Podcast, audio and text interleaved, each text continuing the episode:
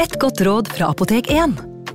Nå er snart pollensesongen i gang, og et godt råd til deg som sliter med pollenallergi, er å begynne behandlingen i god tid før allergisesongen starter. Da får du nemlig enda bedre effekt av legemidlene, og så blir ikke våren din helt ødelagt. Kom innom og få råd på ditt nærmeste Apotek 1, eller chat med oss på apotek1.no. Apotek 1 vår kunnskap, din trygghet.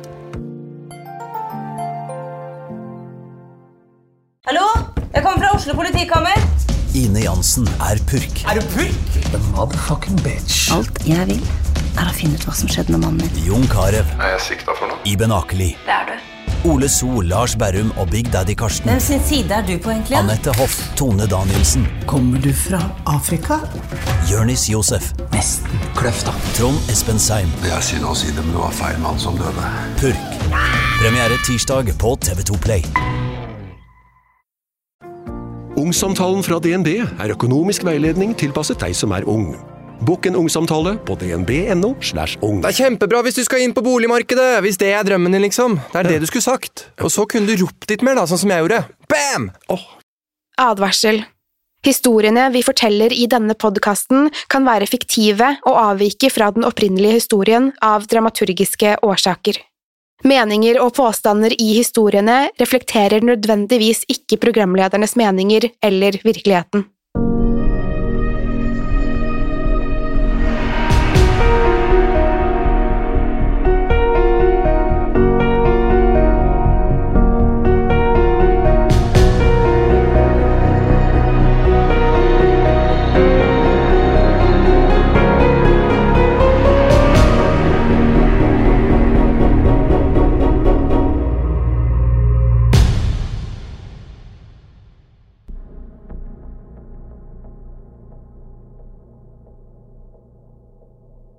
Om du leser dette, er jeg død, og du står på dekk på det som måtte være en av skipet hvor jeg tjenestegjorde.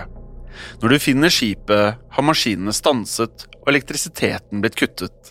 Jeg var nestkommanderende om bord og løytnant i Sjøforsvaret. Vennligst les dette nøye.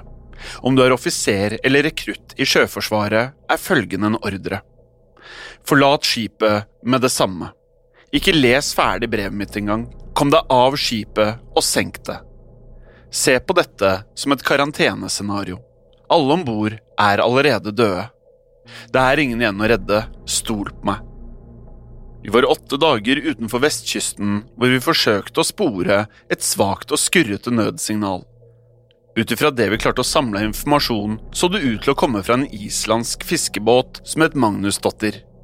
Signalet hadde kommet fra dypt inne i et vernet område i Nordsjøen hvor de ikke hadde lov til å fiske. Vi fant til slutt båten, eller det vil si vi fant et spor av olje og båtdeler som strakk seg over en hel kilometer. De største vrakrestene sto fremdeles i brann.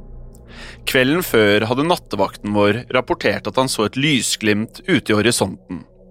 Etter å ha sett det brennende vraket var vi sikre på at det var båten han hadde sett. Mannskapet på Magnusdotter var sporløst forsvunnet. Alle utenom én enkelt mann som fløt i vannet der sporet stanset. Vi fikk snart se at han var blitt skutt i pannen med en revolver.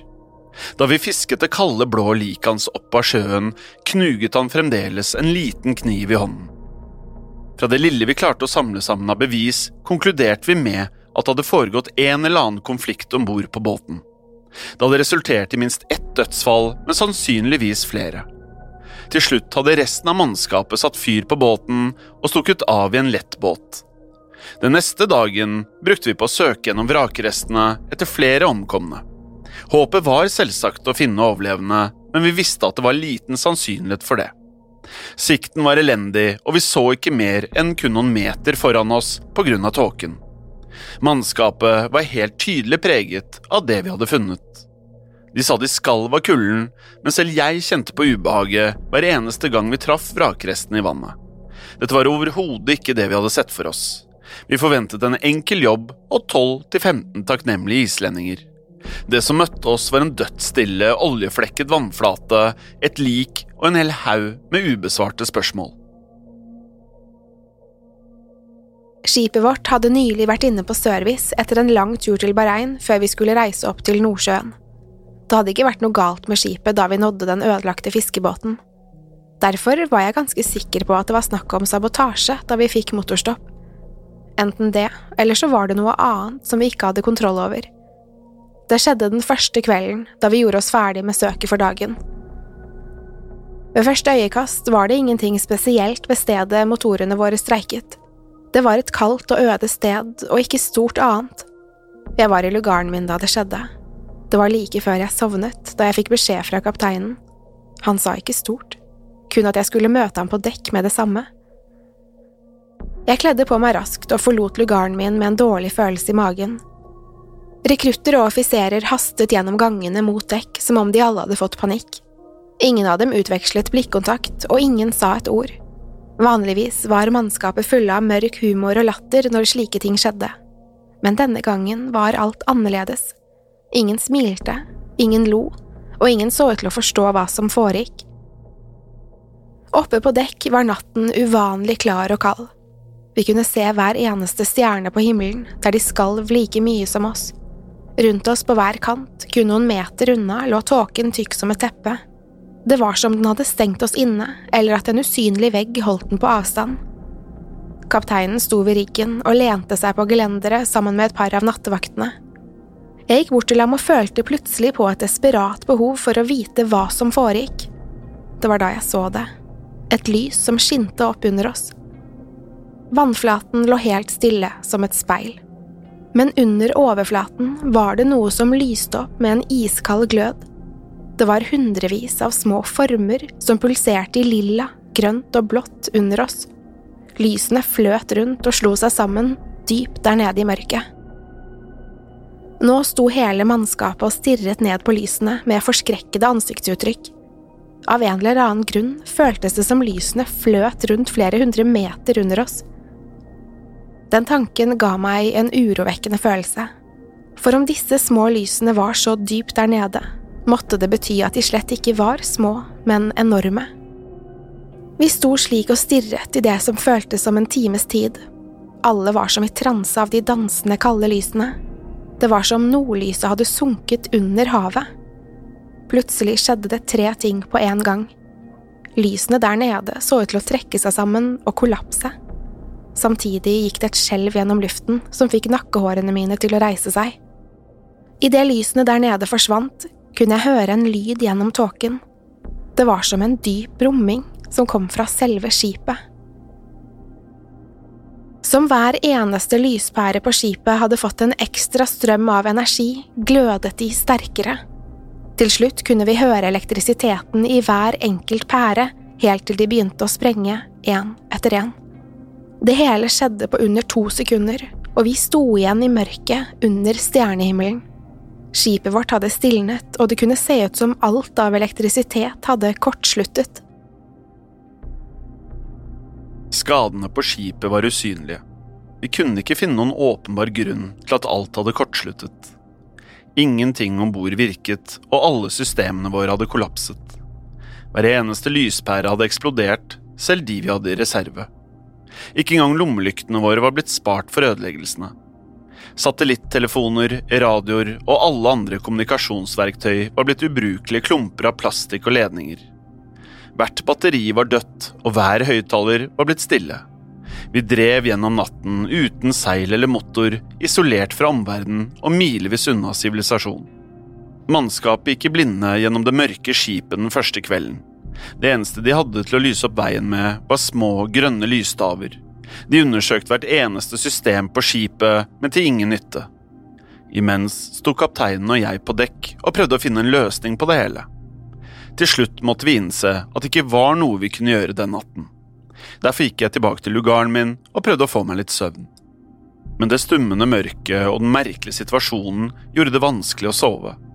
Endelig sovnet jeg og håpet at alt skulle være tilbake til normalen neste dag men da jeg våknet, var skadene på skipet fortsatt til stede. Nå som det var lyst, var det lettere å undersøke systemene, men selv ikke våre beste ingeniører klarte å finne ut hva som var galt. Det eneste vi kunne gjøre, var å sende ut et nødsignal, men selv det virket umulig uten noen form for elektrisitet. Vi var uansett nødt til å prøve å finne en løsning og håpe at vi ikke hadde drevet for langt fra koordinatene hvor maskinen hadde stanset.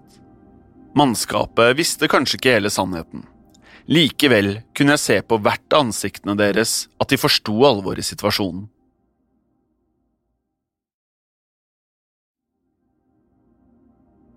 Det første dødsfallet kom allerede den samme ettermiddagen. Lyden av høye skrik fikk meg til å løpe opp på dekk, inn i den tykke tåken. Nå hadde den lagt seg over skipet, så jeg kunne ikke se mer enn et par meter foran meg. Men høyt over meg fløt to sterke, brennende lys som falt sakte mot sjøen.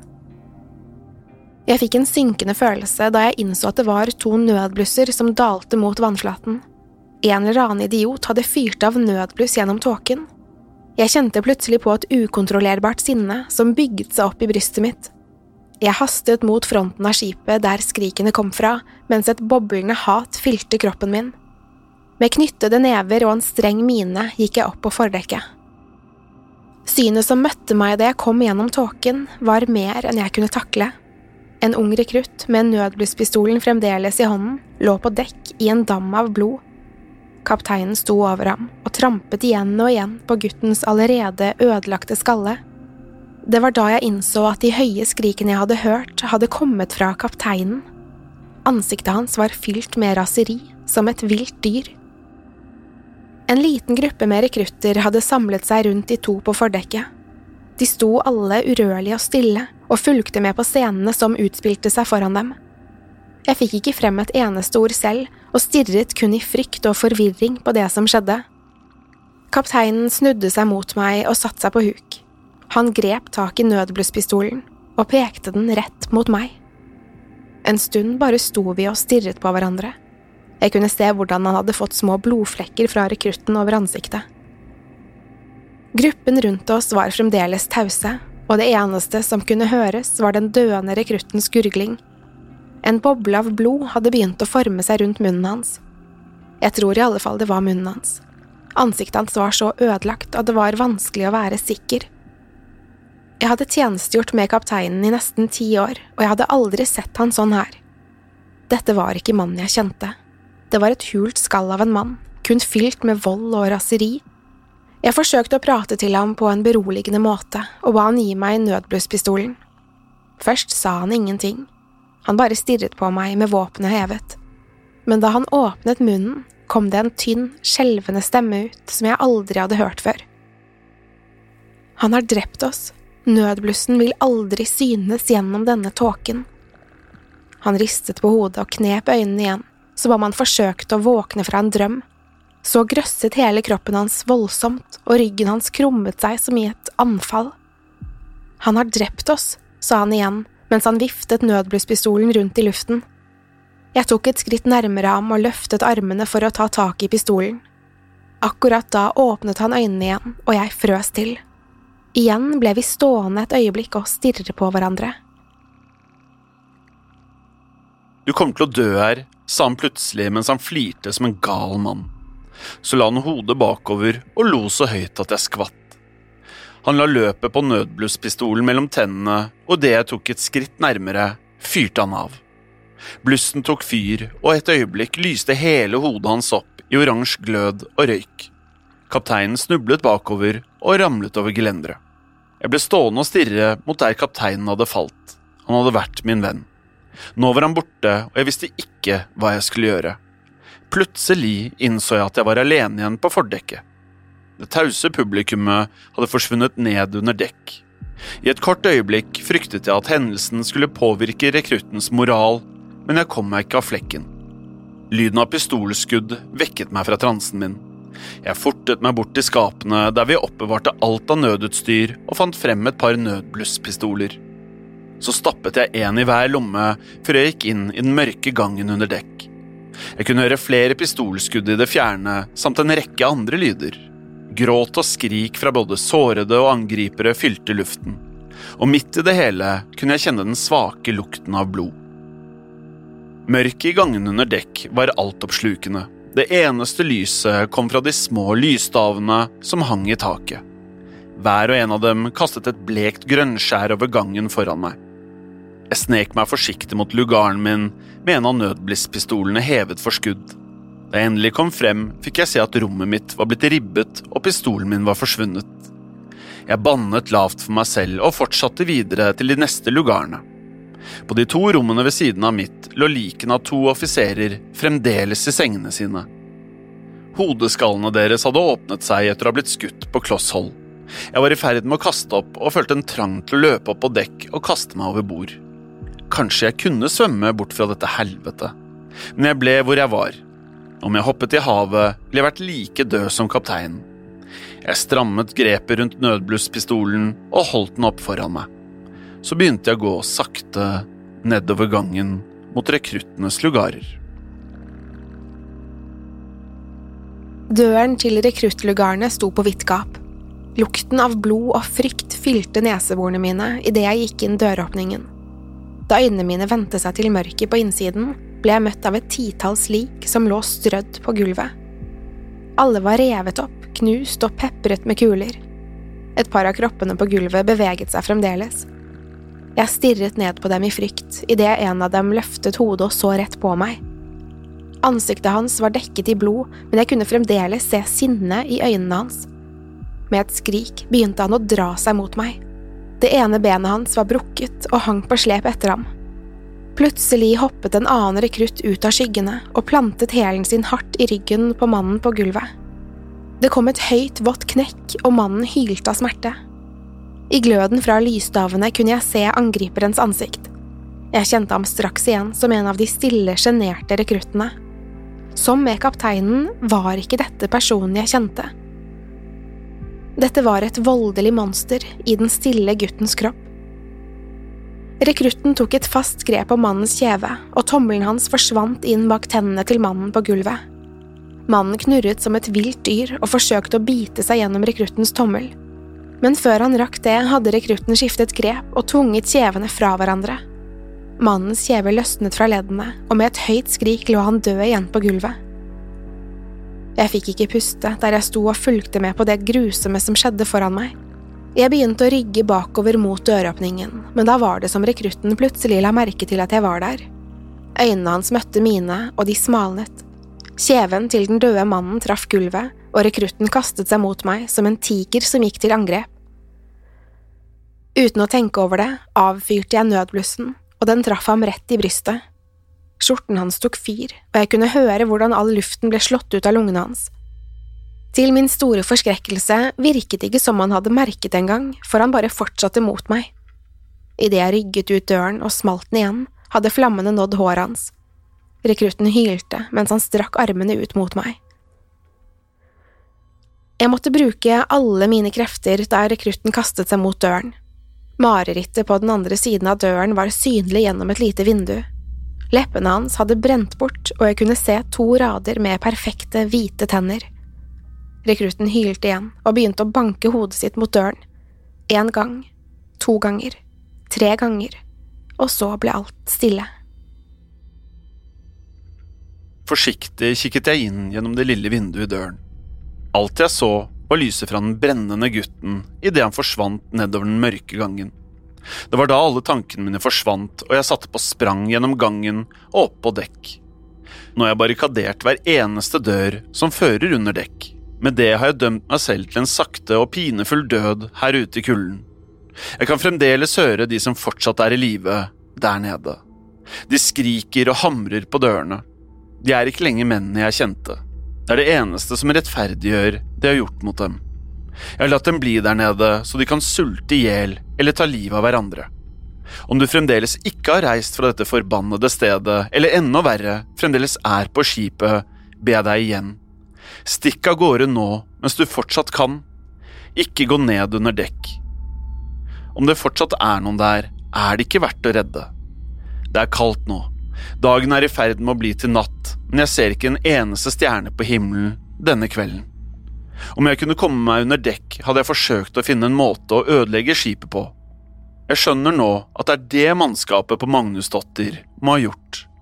Men det er for sent nå. Det beste jeg kan gjøre med tiden jeg har igjen, er å skrive dette brevet. Dette er en advarsel, så vær så snill, send oss ned i dypet, og kom aldri tilbake hit. Ikke fortell noen om det du har sett der. Det er noe som lurer under overflaten. Noe eldgammelt og farlig som vi mennesker verken kan eller burde forstå. Disse kreftene ligger her, under den frosne sjøen, og venter på skip som forviller seg i tåken.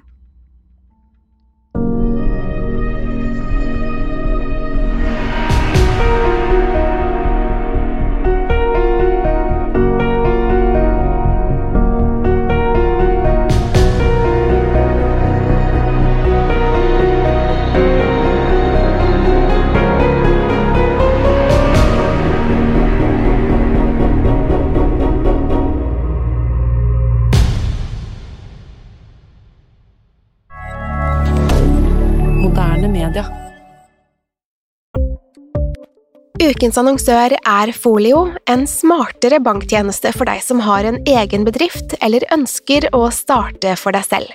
Folio er en superenkel nettbank for bedrifter. Som kunde i Folio får du en bedriftskonto med et bedriftskort og app. I denne appen er det smarte løsninger som forenkler regnskapet ditt, uansett om du har en liten bedrift eller et enkeltpersonsforetak. Folio er både intuitivt og brukervennlig, og er laget med et enkelt språk. I tillegg tilbyr de forutsigbare priser og ingen skjulte gebyrer. Skulle du likevel trenge det, så kan du snakke med deres raske og hyggelige kundeservice, og der får du prate med en faktisk person og ikke en chatbot. Folio er med andre ord både enklere og koseligere enn banken. Over 10 000 bedrifter har allerede valgt Folio som sin banktjeneste, så besøk folio.no og se hvordan Folio kan forenkle din hverdag også. Har du et enkeltpersonforetak eller en liten bedrift? Da er du sikkert lei av å høre meg snakke om hvor enkelt det er med kvitteringer og bilag i fiken, så vi eh, gir oss her, vi. Fordi vi liker enkelt. Fiken superenkelt regnskap. Kiwi er billigst i VGs matbørs og har vært billigst i fire av de fem siste VGs matbørser. Og nå presser vi prisene på frukt og grønnsaker. På 200 gram broccolini setter vi prisen til 24,90. På 400 gram Cevita blåbær setter vi prisen til 49,90. Og husk, alle Kiwi Pluss-kunder får i tillegg 15% trumfbonus på all fersk frukt og grønt. For det er vi som er prispresserne. Og vi i Kiwi gir oss aldri på pris.